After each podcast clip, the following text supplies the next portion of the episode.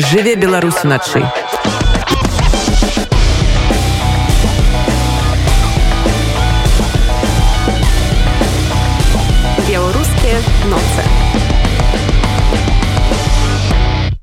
Да апоўначы па польскім часе будзем расказваць мы пра самыя значныя падзеі гэтага тыдня.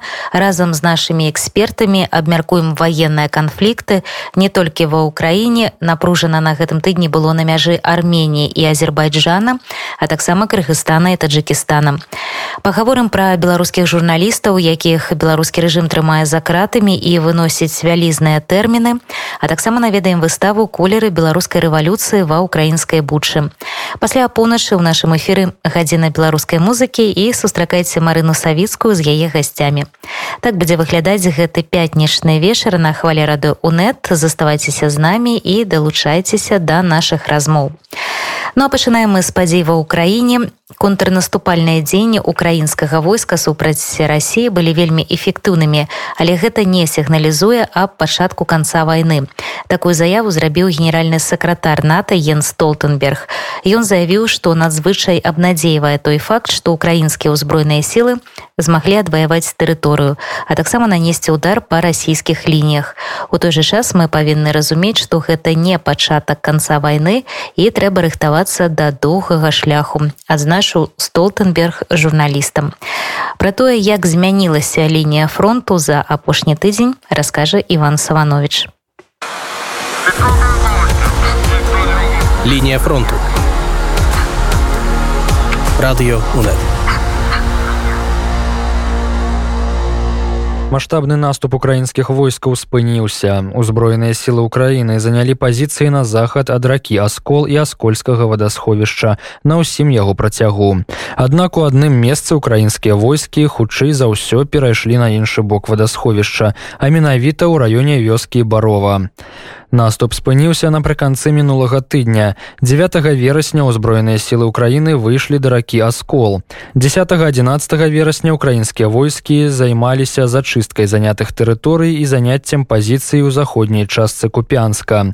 Пры адступленні з гэтага горада, які з'яўляецца адным з найважнейшых чыгуначных вузлоў усяго канфлікту, расійскія войскі ўзарвалі масты праз раку. Дарэчы, знішчэнне амаль усіх мастоў праз раку аскол і вадасхові становішча моцна ўскладніла магчымасці расійскіх войскаў па адыходзе на іншы бераг. Гэта прывяло да дастаткова адчувальных страт. Напрыклад, ваенны аналітык Том Купер ацэньвае магчымыя страты расійскіх войскаў тысячамі. Пры гэтым расійскія войскі спрабавалі ствараць бачнасць канцэнтрацыі сіл для нанясення контрудара.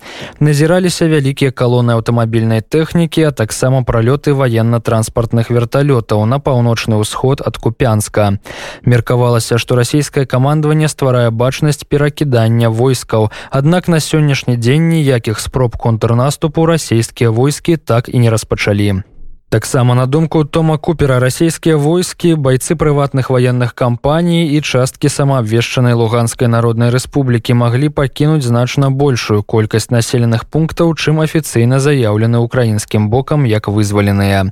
Аднак украінскія войскі альбо не маюць дастатковай колькасці рэсурсаў для іх вызвалення, альбо на дадзеным этапе лічаць гэта немэтазгодным. Пры гэтым пачасціліся выпадкі абстрэлу прымежных расійскіх тэрыторый з боку Украіны. 15 верасня быў знішчаны мытны тэрмінал у нехацеюцы белгарадскай вобласці а ў ноч на 16 верасня быў абстраляны горад валуйкі ўсё той жа белгародскай вобласці. На херсонскім напрамку працягваліся баі аднак істотных змен у лініі судакранання не назіраецца. Украінскія сМ у пачатку тыдня распаўсюджвалі інфармацыю аб тым што расійскія войскі якія знаходзяцца на захад ад дняпра нібыта гатовыя здацца. У прыватнасці аб таких размовах паведаміў украінскі военны эксперт олег жданаў. Тым не менш пацвярджэння гэтым размовам пакуль не поступала у сваю чаргу расійскія войскі верагодна ў адказ на паспяховы наступ украінскіх войскаў на харкаўскім кірунку нанеслі шэраг ракетных удараў як звычайна па грамадзянскай інфраструктуры. 14 верасня быў нанесены ракетны удар па гарадах крывы рог і запорожжа як паведаміў намеснік кіраўніка офіса прэзідэнта украіны кирилл цімаш лукашенко по крывым рогу было выпушчана 8 расійскіх крылатых ракет. У выніку была сур'ёзна пашкоджана дамба вадасховішча гэта выклікала парушэнне водазабеспячэння горада а таксама рэзкае ўзняцце ўзроўню вады ў рацэ інгулец з аднаго да амаль двух метраў. Узняцце ўзроўню вады магло ускладніць перакідванне украінскіх войскаў праз раку з мэтай працягу наступлення на херсонскім напрамку У ноч на 15 верасня шлюзы дамбы былі адноўлены, а ў другой палове дня 15 верасня украінскія ўлады паведамлялі аб новых ракетных ударах у раёне гідратэхнічных збудаванняў горада.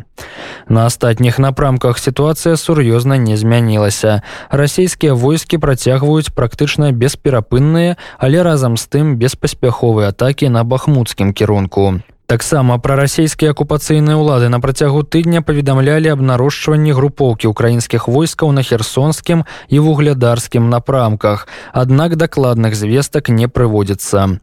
На думку ваенных экспертаў, расійскія войскі і ўзброеныя фармаванні самаабвешчаных ЛНР і ДНР на сённяшні дзень не маюць магчымасці правесці нармальную разведку.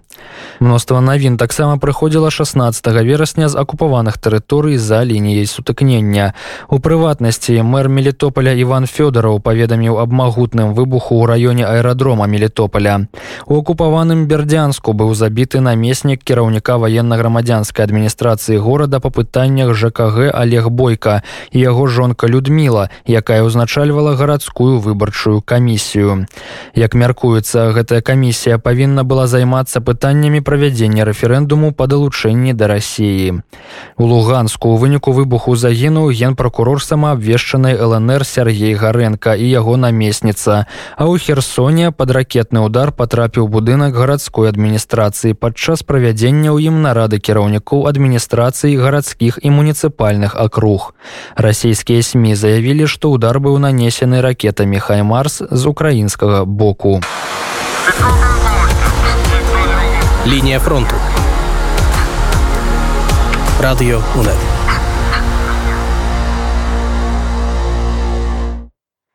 Пра тое, што адбываецца на фронте, нам расказваў Іван Саванович. Да тэмы вайны ва ўкраіне мы яшчэ вернемся ў нашай праграме крыху пазней, ну а зараз пра іншыя чагі напружання. Узброеныя сутыкненні адбыліся на гэтым тыдні на мяжы Крыгыстана, Таджикістана, таксама Азербайджана і Арменіі. Апошняя нават звярнулася ў АДКБ па дапамогу, але акрамя выражэння заклапочанасці ад арганізацыі нічога не пачула. На гэтым фоне прэм'ер Арменіі Нікол Пашынян адмяніў візіту Самарканд, дзе ў гэтыя дні праходзіў саміт шанхайскай арганізацыі супрацоўніцтва. Там сабраліся кіраўнікі дзяржаў у тым ліку і канфліктуючых. Па выніках гэтых сустрэч стала вядома, што прэзідэнты Кыргызстана і Таджикістана Садыб Жапараў і Эмамалі Рахмон дамовіліся даць ваенным указанне спыніць агонь і адвесці сілы ад лініі судакранання прэзідэнт азербайджана ільхам алію скарыстаўся адсутнасцю свайго калегі з арменіі і на выступленні ў ша спрасоўваў азербайджанскі наратыў. Ён канстатаваў што арменія стварае перашкоды ў рэгуляванні канфлікту нагадаўшы што 13 верасня ерыван арганізаваў шырокамасштабную ваенную правакацыю на мяжы якая была рашуча спынена азербайджанскім войскам. Прэзідэнт азербайджана падкрэсліў што правакацыя нанесла вялікі удар па мірных працэсах і ўсклаў усю адказнасць за яе на военно-палітычнае кіраўніцтва армении сітуацыю вакол нагорнага карабаху абмеркавалі з палітолагам паўлам усавым. Падар павел чаму сітуацыя паміж гэтымі дзвюмя закаўказскімі краінамі ўвесь час так бы мовіць рэцэдуе абвастрэнні военныя сутычкі адбываюцца з нейкай такой зайздроснай перыядычнасцю? Адказ на гэтае пытанне даволі просты. Э, азербайджан ад самага пачатку як толькі гэты канфлікт скончыўся не пакідаў намеру адваяваць тэрыторыю нагорнага карабаха якую ён лічыў часткай азербайджана. І таксама спалучыць паміж умоўна большой зямлёй азербайджана вярнуць карабах як частку як частку азербайджана. І па сутнасці пасля таго як в эканамічным плане Азербайджан стабілізаваўся а Арменія нічога не зрабіла ў гэтым накірунку і тым больш нічога не зрабіла ў накірунку развіцця уласнага войска і мадэрнізацыі гэтага войска бо разлічвала выключна на дапамогу рассіі і менавіта з гэтай прычыны у армении была пакінута адна з велізарных расійскіх вайсковых базаў за межы база ў юмры і вось гэтая знешняя гарантыя з боку рассіі не давала магчымасці азербайджану распачаць нейкія дзеянні хотя прымежныя канфлікты заўсёды мелі месцы дачыненні яшчэ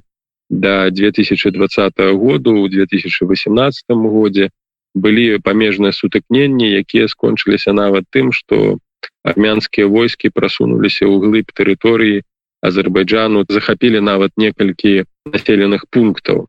Тым не менш у последнія годы сітуацыя калі мы кажам про азербайджан пачала змяняцца адбылася даволі моцная мадэрнізацыя перш за ўсё войска нягледзячы на тое что насельніцтва агульна сітуацыя з узроўнем жыцця не палепшылася. І такая такія ж самыя праблемы з карупцыяй тым больш з дэмакраты бо азербайджан абсалютна недэмакратычная краіна нават у у параўнанні з арменій армения значна больш дэмакратычная краіна тым не менш нягледзячы на карупцыю нягледзячы на ўнутраныя канфлікты азербайджан змог пры дапамозе турцыі мадэрнізаваць уласныя узброеныя сілы і эфект ад гэтых ад гэтай мадэрнізацыі ад гэтых дзеянняў ён адразу адбіўся у 2020 годзе калі упершыню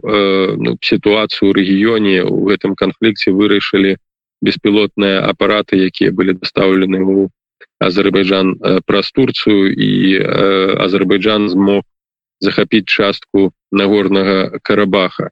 Зараз абсалютна цалкам змянілася сітуацыя, змяніўся кантэкст і палажэнне рассеі, бо Расія ўжо, як мы пабачылі ва ўкраіне, не лічыцца нейкай рэгіянальнай сілай.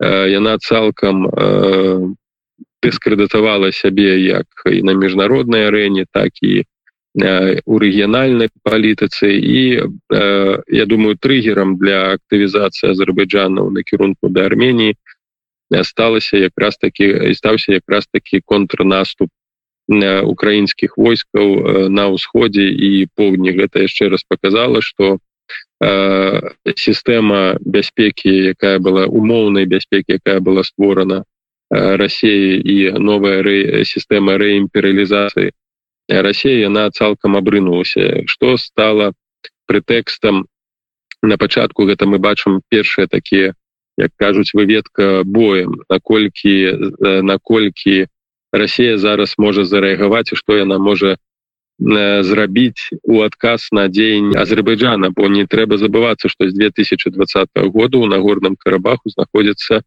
расійскія э, міратворцы якія нейкім чынам павінны зарэагаваць. А напэўна рэакцыі ніякай не будзе. Такі я думаю что не будзе рэакцыі таксама ніякай з акрамя дэкларатыўнай з боку адКб і баку вельмі добра гэта разумею Ну і вось зараз Арменія афіцыйна звярнулася по дапамогу да ДКБ чальцом якой яна з'яўляецца ў адрозненне дарэчы ад Азербайджана. Ці нададуць краіны гэтага военнага блоку такую дапамогу арммении якраз таки арменію уваходзіла у адКб менавіта дзеля того каб атрымаць яшчэ одну гарантыю уласнай бяспекі але гэтую гарантыю яна не атрымала ні ў 2020 годзе не атрымае яе і зараз. І у баку гэта разумеюць. І каб была нейкая рэакцыя гэта азначае что міратворцы таксама калектыўная сіла аператыўнага рэагавання павінны быць задзейснены у баявых дзеяннях ці быць накіраваныя у э, арменію на лінію мяжы і дзейнічаць як сілы размежавання. На сённяшні момант таких ресурсаў няма. Усе ресурсы Росіі сканцэнтраваныя выключна ва ўкраіне. Псіхалагічна і маральна расійскія войскі падаўленыя а скіраваць туды у зону канфлікта могуць свае войскі выключна толькі две краіны. Гэта Росія і Беларусь. Не ведаюць ці Мачыма э, так удана гэта адбылося ці Мачыма гэта было нейкія кансультацыі паміж кіевым і баку. Э, бо гэты канфлікт які зараз з новай сілай распачаўся на каўказе ён безумоўна будзе патрабаваць ад рассея нейкай рэакцыі і скіравання туды пэўную колькасць міратворцаў некалькі тысячу а у сувязі з вайной калі Росія гэтага ва ўкраіне калі Росія гэтага не зробіць то гэта будзе адпаведна сігнал ввогуле для ўсяго рэгіёну что сілы Росіі вычарпаны. Беларусь таксама не наўрад ці выйшлі туды сваіх міратворцаў. Гэта будзе азначаць па-першае аслабленне бо калектыўная сіла аператыўнага рэагавання яны складаюцца у Беларусі з так званых сіл спецыяльных аперацый это по сутнасці адзіныя умоўна прафесійныя вайскоўцы якія зараз размешчаны на мяжы з Украінай там сканцэнтравана до да 10 э, э, батальённа-тактычных групаў збольшага якія складаюцца з якраз такія сіл спецыяльных аперацый міратворчая аперацыя у Армении будзе патрабаваць ад Беларусі э, скажем двух-трох тысячаў чалавек гэта ослабляе вось гэтую прэтэарыанскую гвардыю найбольш адданых для лукашэнкі лукашенко вайскоўцаў что таксама для яго небяспечна. А яшчэ больш небяспечна что калі яны пачнуць гінуць на мяжы з азербайджанам бо азербайджан напэўна будзе выкарыстоўваць увесь свой патэнцыял а такого збройнага патэнцыялу не беларускія сённяшнія войскі не расійскія накіраваць у арменію просто не ў стане і воевать за азербайджаном яны таксама не в стане по одной простой причине что за азербайджаном стаіць турция. І для турции э, гэты конфликт таксама мае важное значение яна ожидая асноўным асноўнай мэтай турции на сённяшні момант гэта выдавливание э, россии з каўказу і як толькі россия продемонструе слабость а напэўна так яно і будзе актыўнае дзеянні контррасійскія пачнуцца па ўсім каўказе у тым ліку напрыклад у паўночным каўказе. Гэта чачня гэта на асетыя гэта інгушеты дзе нягледзячы на умоўна на стабільную сітуацыю ўсё ж таки антырасійскія матывы антырасійскія пачуцці даволі застаюцца моцнымі і як толькі сітуацыя з рассеяй будзе больш-менш ясная што она не ў стане кантраляваць гэты рэгіён. Могуць цэнтра бегчыя працэсы і вяртанне да сітуацыі з 90 -го года І сёння стала вядома, што Арменія прыгразіла выйсце за ДКБ. Арганізацыя краін дагавора аб калектыўнай бяспецы, членамі якой з'яўляюцца шэсць постсавецкіх краін, не выканала патрабаванні Арменіі аб дапамозе, якое было накіравана два дні таму падчас канфлікту з Азербайджанам. Пра гэта ў інтэрв'ю радыёвабода ў пятніцу паведаміў сакратар рады бяспекі Арменіі Армен Грыгаран. Якім было наше чаканне і ў чым складаўся наш запыт у АДКБ. Даць Арменіі ваенную і военно-палітычную дапамогу для абароны суверэнітэту і вываду азербайджанскіх войскаў суверэннай тэрыторыі. Наша патрабаванне ад АДКБ было менавіта такім і да гэтага часу яно не выканана, канстатаваў ён і дадаў, што такая рэакцыя не задавальняе Ерыван. Паводле слоў Грыгарана пасля падзей у Казахстане, куды АДКБ накіраваў місію, каб захаваць ва ўладзе прэзідэнта Касым Жамар Такаева, узнікла надзея, што механізмы блока блока аб калектыўнай абароне нарэшце запрацуюць. Такая надзея была і натуральна, што такой надзеі больш няма, заявіў Грыгаран. Выправіць сітуацыю паводле яго слоў могуць толькі прадметныя крокі з боку АДКБ.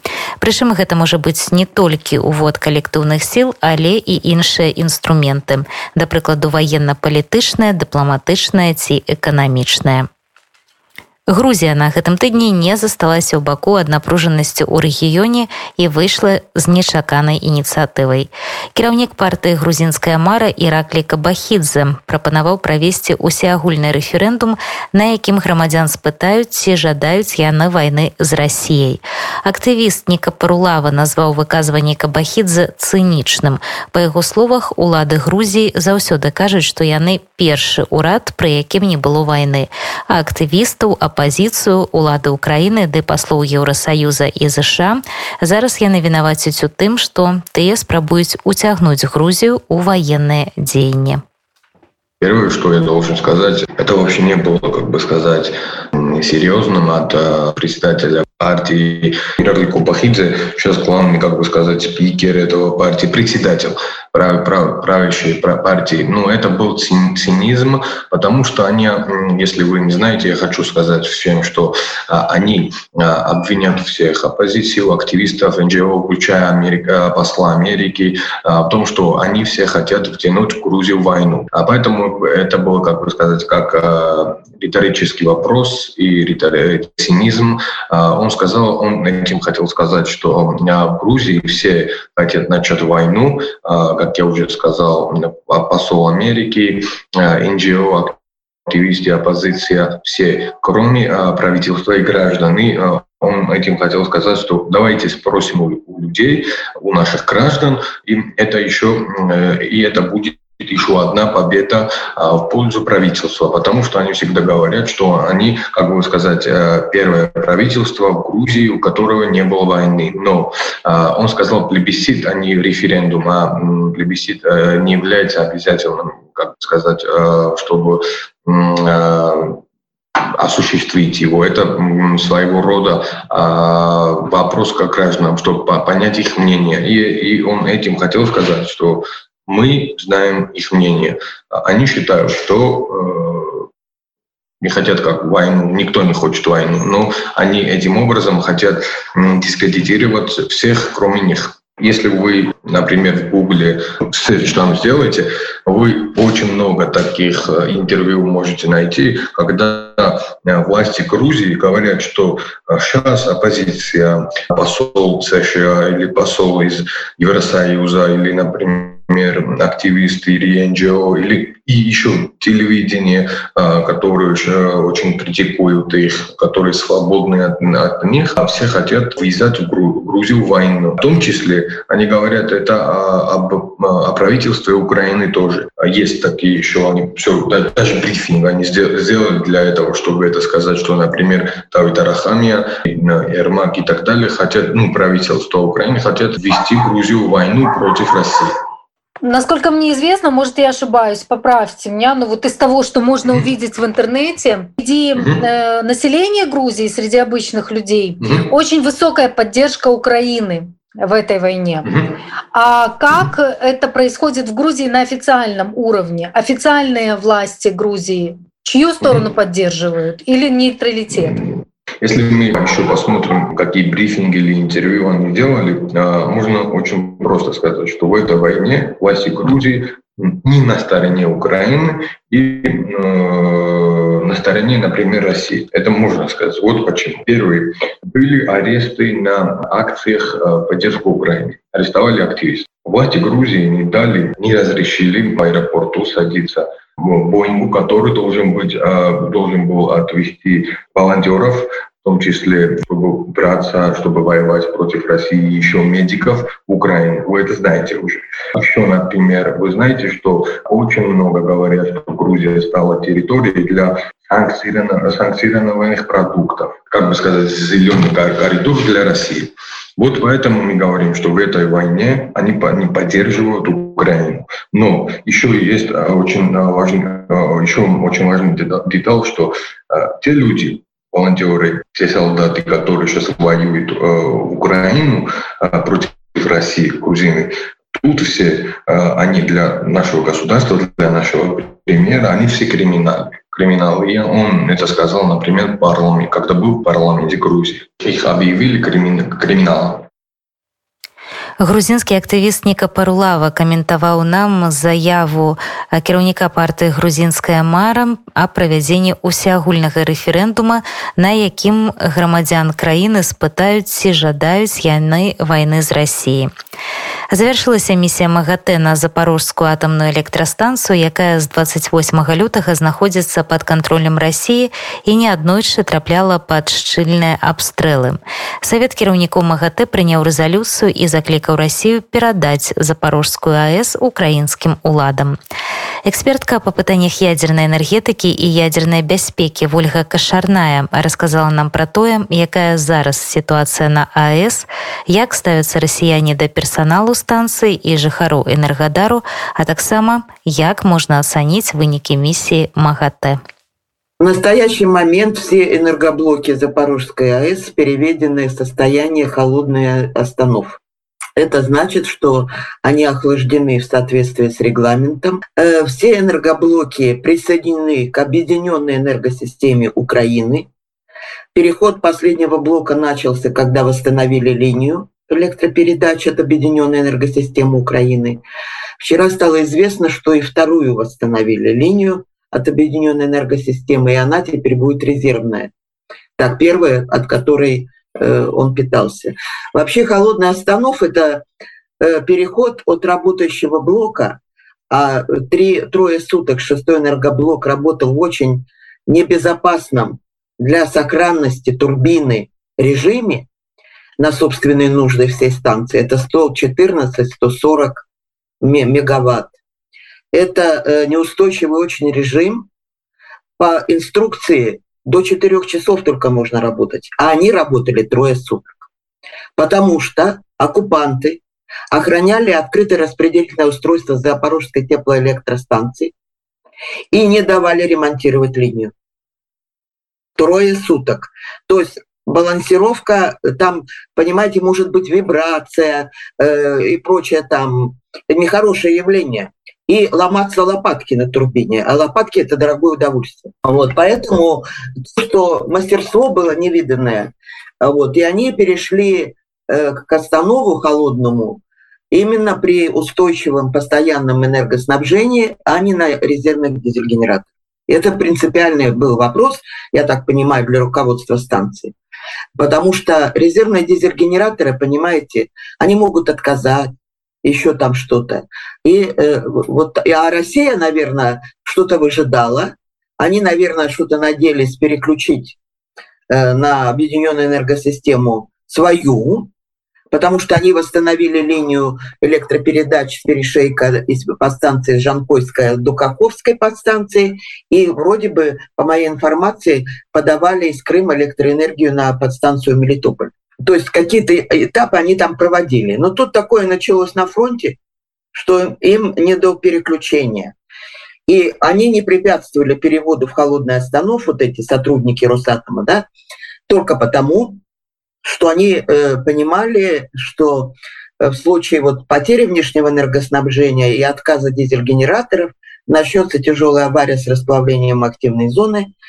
И так, э, э судя по господствующим ветрам, вся это вообще удовольствие полетит. Сочи, Краснодарский край, им, Крым, і поэтому они не препятствовали А что вам вядома про тое в якіх умовах працуе персонал станцыі як расійцы ставятся до супрацоўнікаў і як супрацоўнікі выконваюць свои абавязки что хочу сказать герои э, высокий профессионализм при всем при том что вчера мне позвонили два человека из персонала Запорожской станции, которые были схвачены ФСБ России, помещены такие пыточные камеры.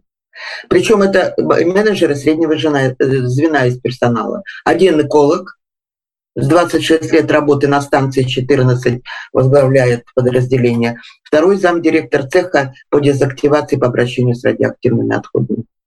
Это стреляли из травматического оружия в суставы коленные, локтевые, били. Ну, в общем, один человек сейчас уже в Киеве, вот, э, значит, но я хочу с ним встретиться. Ну, мы по телефону с ним говорили. А второй пока еще в Энергодаре. Он мне прислал фото своих травм и заключений. Ну, это э, не только персонал станции подвергается, а и гражданские лица. Я, например, знаю двух учительницах, которые отказались преподавать по программе российской школы, их тоже в эти пыточные. То есть терроризм против персонала, против населения. В общем, российские оккупанты себя не изменяют.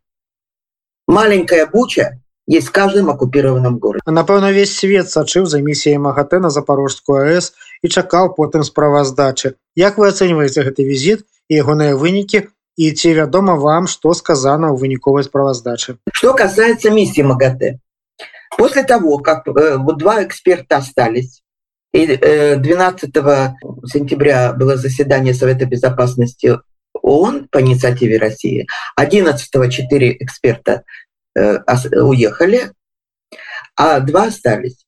Значит, э, улучшилась коммуникация секретариата, потому что секретариат получал ноты от Украины и России в свой адрес, да, с содержанием прямо противоположным. Кто кого обстреливает. Когда миссия была, они же устроили там спектакль целый. 100-500 десантников украинских на лодках плывут по Каховскому водохранилищу штурмовать Запорожскую станцию. Дроны камикадзе, ствольная артиллерия. Э, это все накануне, прям в день приезда. А вот. Но тем не менее, значит, отчет, с моей точки зрения, э, вышел, э, значит, в пользу Украины, потому что там зафиксировано российская оккупация написано, понимаете? Э, представители Росатома, которые вмешиваются в деятельность персонала украинской станции, ну, что вызывает трение, и никакого права они не имеют, персонал в стрессе, персонал увольняется, ну и все столпы, которые там перечислены, это тоже. Но когда политики наши там начинают претензии, что типа, почему они не признали, кто стрелял, но нет военных экспертов, у них нет миссии, мандат такого нет. Они, у них нет э, экспертов по баллистической экспертизе, понимаете, которые могут определить, откуда летел снаряд и как он повернулся, как этот там советник. И, кстати, отмечают персонал, что сотрудники Росатома, кроме вот этого деятеля, Корча, который э, специалист по приматам, и сам на них похож, вот, который там показывал, как они разворачиваются там. У него такая, такая, такая биография интересная с, с уголовным преступлением, а вот, что, я думаю, ему терять было нечего, его заставили вот это все рассказывать а вот, э, на голубом глазу. Поэтому я позитивно оцениваю миссию. Это даже больше, чем я ожидала. И вот эта вот рекомендация Э, все рекомендации, которые там написаны, они совершенно справедливы. И э, то, что нужно создать зону безопасности, ядерной безопасности вокруг ЗАЭС. Э, Гросси, как дипломат с большим опытом, он не употребляет слово демилитаризация, деоккупация. Это не его мандат. Но то, что он начал переговоры, то, что Макрон уже звонил там Путину, Зеленскому, Э, сам Гросси перед, встречей, перед поездкой в Украину встречался с Лихачевым из Росатома в Стамбуле и встречался с Макроном. Это все публично было. То есть какие-то... А я почему Макрон волнуется? Потому что у него атомная отрасль, и машиностроение атомное, и реакторостроение, и ядерно-топливный цикл. Это огромный э, э, кусок экономики. Показательно очень было заседание Совета Безопасности ООН, которое созвала Россия 12 числа. Только еще эксперты выехали. Гросси сам приехал в пятницу, это было вторник. И я такого Гросси я не видела э, что он был взволнован на пресс-конференции, когда он, он очень эмоционален. Обычно он всегда держит лицо и такой выучка дипломатическая. И поэтому, когда они бензя, они надеялись, россияне, наверное. Я даже не знаю, как у меня приличных слов литературных мало, но я держусь. Вот. Э, значит, они надеялись, что они не успеют сделать отчет. А отчет появился, это отбали три часа до начала заседания. 52 страницы, да. И э, на Бензяев, выступая, на весь мир заявил, что я не успел ознакомиться с отчетом. И начал вот это опять, э, вот эти свои э, рассказы, сказки рассказывать про 100-500 этих десантников украинских, как э, Украина обстреливает. Но что, на что я обратила внимание? Все выступающие страны поддержали отчет, поддержали позицию Украины. Те страны, которые раньше говорили, да надо сесть за стол переговоров, да надо договариваться, они более жестко стали выступать. То есть это официальный отчет структуры МАГАТЭ, первый шаг вот к той самой деоккупации и демилитаризации. З эксперткай у пытаннях ядзернай энергетыкі і ядзернай бяспекі ольгай кашарнай абмяркоўвалі мы сітуацыю вакол запорожскай АС. Жыве Беларусь! Ольга сямашкалі мікрафона. Яшчэ раз нагадаю што вы на беларускай хвалі радыонет гэтым вечарам мы расказваем пра асноўныя падзеі тыдня і сённяшняга дня. У пятніцу ва ўкраіне быў дзень памяці загінулых журналістаў. Паводле нацыянальнага саюза журналістаў украіны з першага дня поўнамасштабнага расійскага ўварвання былі забіты 39 наших калег. Большая з іх загінулі пры выкананні журналісцкай працы альбо абараняючы радзіму ад расійскага нападзення сёння. У вільні у будынку чыгуначнага вакзала адкрылася выстава фатаграфій украінскіх ваенных журналістаў на перадавой праўды. Гэта фотапрэзентацыя, арганізатары якой хочуць асвятліць злачынствы учыненыя рассіі супраць сМ і журналістаў, а таксама аддаць належнае украінскім журналістам, якія працуюць у вельмі небяспечных умовах. Нашая рэдакцыя далучаецца да дня памяці загінуўшых калег, працягваем мы падтрымліваць беларускіх журналістаў якія зараз за кратамі. Баш кажа што да рэгіянальных прадстаўнікоў сродкаў масавай інфармацыі зноў пачалі прыходзіць сілавікі. Як мінімум у трох гарадах беларусі адбылося не менш за 5 ператрусаў у журналістаў. Некаторыя атрымалі выклікі ў міліцыю. Вядома мінімум пра адно затрыманне. Паводле звестак баш на сёння у няволі знаходзіцца 29 прадстаўнікоў медыя. Сярод іх і наш супрацоўнік Анджей пачобут ён днямі даслаў ліст на волю там журналіст паведамляе што ягоную працу э, справу павінны перадаць у генеральную пракуратуру адтуль у вярхоўны суд ну а затым у адзін з абласных судоў куды канкрэтна пакуль невядома а іншаму гарадзенскаму журналісту дзянісу вашыну на гэтым тыдні агучылі прысуд. Далей яму 13 гадоў і один месяц нібыта за здраду радзіме галоўная віна журналіста ў тым што ён расследаваў злачынствы лукашэнкаўскага і пуцінскага рэжымаў. Дзяніса і вашына затрымалі 12 сакавіка 21 года. Пасля затрымання блізкія 10 дзён не маглі даведацца у чым жа яго абвінавачваюць кажа жонка дзяніса ольга кантактаваць з дзянісам было цяжка лісты ад родных даходзілі раз-пораз а апошнія гады ліставання увогуле не было. Суд адбываўся ў закрытым рэжыме але абвяшчэнне прысуду было адкрытым сам дзяніс на суде атрымаўся бадзёра кажа ольга.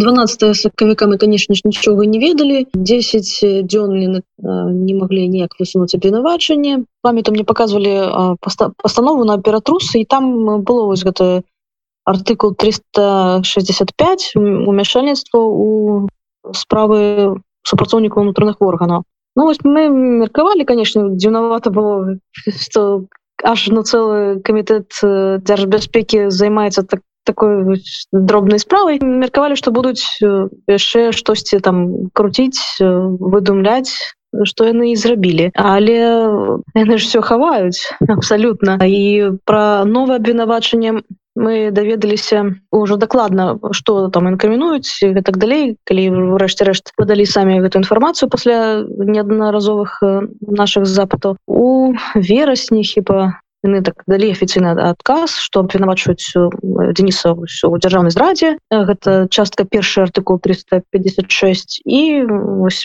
таксама той ўжо згаданы 365 артыкул ты супрацоўнікі КДБ которые праводзілі ператрус запэўнівалі мяне асабіста что ніхто не будет Дениса трымаць за кратами что его там праз пару дзён выпусцяць і будзе сядзець чакаць суда. Ну конечно ж я не верила ўжо на той момант тому что яны казалі ну іхнім словом в принципе верыць нельга Ну і разумелі что ну, это не абмежуецца так бы мовіць не трымя днямі не там месяцам і хутчэй за ўсё будуць трымаць столькі сколькі будзе існаваць гэты рэжым Ну так і ёсць на дадзены момант увесь гэты час. Ці была у вас нейкая магчымасць якая магчымасць калі яна была стасавацца з ім даведвацца пра ягоны стан Ну і ввогуле трымаць контакт з ім Ну вось з контактам канешне было праблематычна наши лісты не заўсёды да Дениса траплялі і ад яго пэўны момант амаль паўгады не было ніякіх лістоў мы не ведаем дакладна ну меркуем паводле таго что нам казалі супрацоўнікі гарадзенскай турмы што гэта быў арышт на корэспандэнцыю які наклалі так званы следчыя органы то бок камітэт дзярж так званай бяспекі. Таму асноўная інфармацыя там пра стан здароўя Дениса мы канешне ж атрымлівалі ад ягонага абаронцы который яго бачыў ну, мог прынцыпе сказаць там нормально у вас себе адчуваеце штосьці там з ім здарылася і даведаліся так пра сардэчны прыступ который быў у Дениса улетку Ну а вось заўтра маці і чым пабачыць урэшце Дениса не толькі там на некалькі хвілінаў змогуць з ім паразмаўляць ну ўжо распавядзе тое што не мог распавесці полторы гады ці атрымалася у родных пабываць на судовым паседжанні і хто на ім прысутнічаў ну апроч канешне прадстаўнікоў сілавых структураў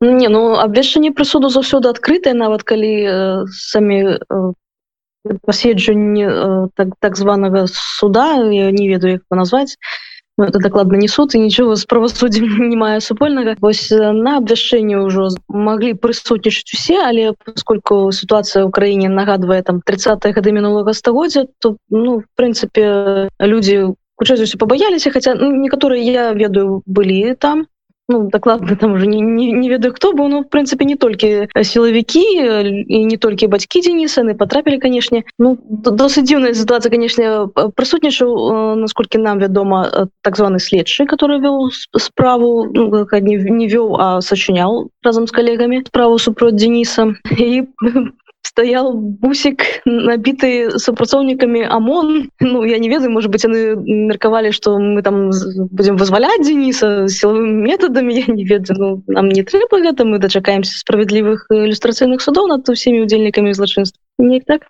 Скажите калі ласка той факт что Денис замежны украінец так ну статус так, это ну, на, на кшталт вот карты поляков у Польшу так так. Вось гэты статус замежнага украінца у дадзенай справе. Ён нейкім чынам абцяжарыў паўплываў і увогуле ўзгадываўся ён цягам і следства і суда. Ну, мне складана меркаваць тому что нас падчас следства конечно ніхто нічога не казаў і э, так званы сутыны зрабілі в закрытым рэжыме. Але поскольку посведчанне Дениса посведчанне укра... замежного украінца было ў якасці доказаў то можна меркаваць что конечно ж яны выкарысталі гэта як то что доказвае нібы ягоную там супрацу украінскую ветку там яшчэ штось ну все что там придумали я не ведаю як выглядаў паводзіў сабе адчуваў Денис увогуле як ён гэта вытрываў? Поскольку не мы не Денис не меркавалі что там будзе апраўданне раптам ці нешта такое то ну, принципе так і меркавалі что будзе там максімальны тэрмін які толькі яны могуць бо ну, такі зуб тачылі на Дениса даўно ён там усіх дастал сваімі расследаваннямі. І як бы ну, Денис при тым что мае моцны характар гэты канешне яго падтрымлівае і ён аптыміст і верыць у перамогу у тое что ён робіць все слушна то ну як, як звычайна ён быў бадзёрам так усім сваім выглядам даваў зразумець тым хто там нешта сёння агучваў там з паперкі чытаў ці прысутнічаў. То что ну все что яны робяць гэта гэта нішто там параўнанні з вечнасцю з праўдай что яны могуць там напісаць что ён вінаваты парушэнне ўсіх артыкулаў крымінального кодексу але гэта нічога не зменіць яны ад гэтага не стануць лепшымі Денис ад гэтага горшым не стане так что чакаем перамогі насколькі Денис усведамляў небяспеку вось ты абставіны што яго змаглі паспелі затрымаць гэта яго свядомы выбор заставацца не з'язджаць з беларусі альбо просто ну на той момант яшчэ ну шмат хто не ўсведамляў маштаба ось тых рэпрэсій якія пачаліся ў двадцатым годзе Денис цалкам разумеў што ягоныя артыкулы вельмі моцна б'юць не толькі по рэжыму лукашэнкі рэжыму натуральной акупацыі але яшчэ мацней б'е по крымлёўскому рэжыму путинскому который здзяйсняе міжнародное злачынство і таму мы не раз ужо ну, да затрымання непасрэднага абмяркоўвалі сітуацыю калі там яго затрымаюць прады там будуць нейкія абвінавачанні высоўваць ён ведаў что такое можа быць і сапраўды вось сведома не хацеў з'язджаць з беларусі по ну, гэтай наша земля навошта мы будемм уцякаць хай уцякаюць наши ворагі вось такая яго пазіцыя і зараз нават я мяркую что калі б ну, вот, Денис спытаць ці змяніў бы ён сваё рашэнне ці з'ехаў бы ведаючы што вось будзе 12 сакавіка 21 года то хутчэй за ўсё ён бы все адно застаўся ў беларусі все гэта прайшоў нічого б не змянілось з ольгай івашнай абмяркоўвалі мы прысуд гарадзенскаму журналісту дзянісу івашыну які нагадаю на гэтым тыдні атрымаў 13 гадоў і адзін месяц пазбаўлення волі колеры беларускай рэвалюцыі. Менавіта так называется экспазіцыя якая зараз працуе ў гарадской публічнай бібліятэцы ў бучым экспазіцыю арганізавалі беларускія жанчыны якія жывуць ва ўкраіне. І прысвечана яна беларусам што падтрымліваюць украіну і робяць усё магчымае для перамогі. У выставе чатыры раздзелы яны прысвечаны украінцам беларускім партызанам уплыву рускага света і тым хто выказаўся супраць. Асобнае месца на выставе выставе займаюць чорныя стэнды з 21 партрэтам беларусаў што загінулі ва ўкраіне з 2014 года. На экспазіцыі пабываў Андрусь гаёвы. Уча Горад невялікі раённы цэнтр на кіеўшчыне, які пасля сакавіка 2022 года стаў не толькі горадам героем, але і горадам сімвалам. Нават калі зараз у Google мапах зірнуць на ўкраіну ў маштабе, калі там падпісаныя толькі кіеў і вялікія абласныя гарады, то разам з імі бачны подпіс буча. Бо гэты гарадок з даваенным насельніцтвам каля 40 тысяч жыхароў сёння ведае увесь свет. Сёння вядома сама мала пра 420 мірных жыхароў горада, якія загінулі ад рук расійцаў. Назва буча стала сімвалам жорсткасці, бязлітаснасці і бесчалавечнасці расійскіх акупантаў, якія на вялікі жаль прыехалі ў бучу на сваіх танках, БТРах і тэнтаваных уралах з намаляванымі на бартах літарамі V і Z з тэрыторыі Беларусі. Самапрагалошаны кіраўнік Беларусі Александр Лукашенко прадаставіў расійскім захопнікам Украіны плацдарм для наступу на нашу паўднёвую суседку каля Мазыра, Калінкавіча ў рэчыцы Ельска на роўлі. Але ж ці падтрымліваюць беларусы тое, што робіць Лукашенко ды ягоныя прыспешнікі, розныя пастаўленыя ім мясцовыя начальнічкі, якія караваямі сустракалі расійскіх нелюдзяў, што потым забівалі, гвалтавалі, катавалі жыхароў бучы ды навакольных гарадоў і сёлаў. Вядома ж, большасць беларусаў дзеянні цяперашняй афіцыйнай улады не толькі не падтрымліваюць, але і як могуць ім супрацьстаяць. Менавіта пра такіх беларусаў выстава, якую арганізавалі якраз у бучы беларускія жанчыны, якія жывуць ва ўкраіне падчас адкрыцця выставы праваабаронца анісія казлюк рассказала пра тое што беларусы пачыналі сваё партызанскае змаганне яшчэ пасля таго як улады жорстка падавілі пратэсты ў 2020 годзе. Людзі намагаліся зашкодзіць працы структур якія дапамагаюць фінансаваць злачынны рэжым. Магчымасць нашкодзіць рэжыму не даваць псаваць пуці для гандлю з Еўропай для того каб зарабляць грошы з якіх плацяцца заробкі катам якія людзей у вязніцах катуюць.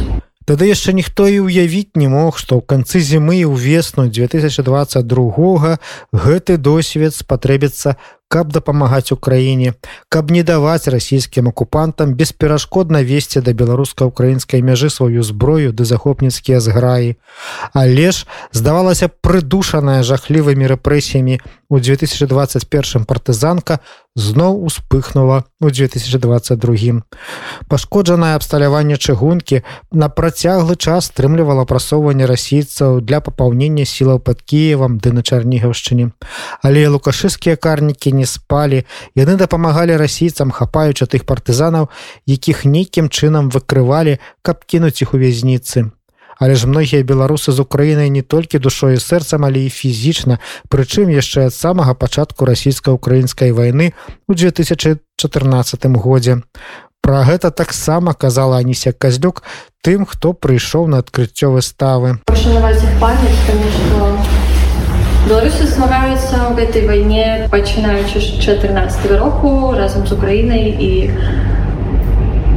гэта не тое, што так внезапна з'явілася гэта асознанае дзеянне, якое цягнецца ўжо колькі рокаў. Адна з арганізатарак выставы Настасся доль распавяла нам пра тое, што яна вельмі хвалявалася наконт таго, як бучанцы пасля таго, як да іх з тэрыторыі Беларусі прыйшлі расійскія захопнікі успрымуць ініцыятыву правядзення ў гэтым горадзе такой выставы. Але і ў кіраўніцтве бучы і сярод яе жыхароў усе цудоўна разумеюць, што насамрэч адбывалася і хто ў гэтым вінаваты. Улады бучы ўсяляк спрыялі адкрыццю выставы, а жыхары, што прыходзяць паглядзець, подписываюць паштоўкі беларускім палітвязням якія зняволеныя за падтрымку Украіны. Так самага пачатку у нас таксама былі апасенні за то что можа быть неадназначная реакцыя на беларускую выставу менавіт по прычыне заходу сюды войскаў з беларусі. Але э, факты не камунікацыі з бучанскай радай з супрацоўніцамі бібліятэкі з гледачамі на адкрыцці яны паказвалі тое што украінцы да гэтых працэсаў да нас да беларусаў якія жывуць ментальна у вольнай беларусі ставіцца са співчуццям з разуменнем. І яны падтрымлівалі нас подписывалі паштоўкі і так ведаеце шкадавалі што беларусы нас зараз знаходзяць такой сітуацыі. Вось я бачу што на выставе стаіць скрынка для паштовак э, палітвязням беларускім. Ці шмат было тых ахвочых якія падпісалі гэтыя паштоўкі і ці яны некія свае меркаванні свае эмоцыі пры гэтым выказвалі мы прапаноўвалі людзям падпісаць э, паштоўкі э, людзі ведаюць ты з такім сумам в вачах падпісывалі бралі паштоўкі дывіліся на выявы менску ім было цікава паглядзець. Ось колькі дакладна лісто паштовак падпісана мы зможам уже падавіцца в самом канцы то это торак. Але бачым што іх тут становіцца все менш і менш людзі не ведаюць не ведаюць пра тэрміны пра гэтыя вялікія лічбы рокі в год які сядзяць людзі за свае антываенныя акцыі.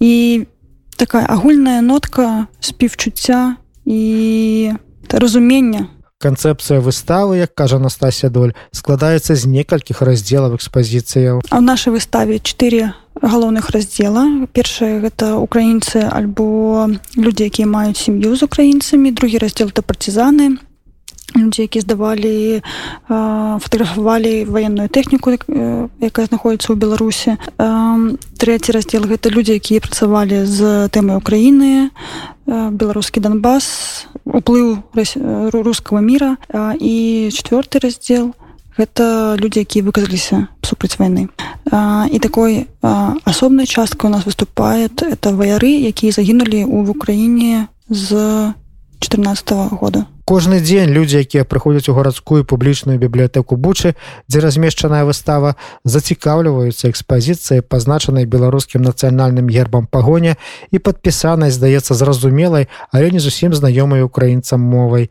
Про тое хто і што паказана на стэндах выставы наведнікам распавядае Настасья доль такі яскравы кейс гэта данута перадня яка за свой рэпост антываенна атрымала 6 паловай років зняволення. Это такі самы яркі кейс на дадзены момант які знаходзіцца в нашай выставе ў блоке выказаўшыся. Багата людзей зараз знаходзіцца в сеза яшчэ без выракаў. Але зараз уже наша выстава дапоўнілась еще одну экспазіцыі еще во Львове было менш на одну.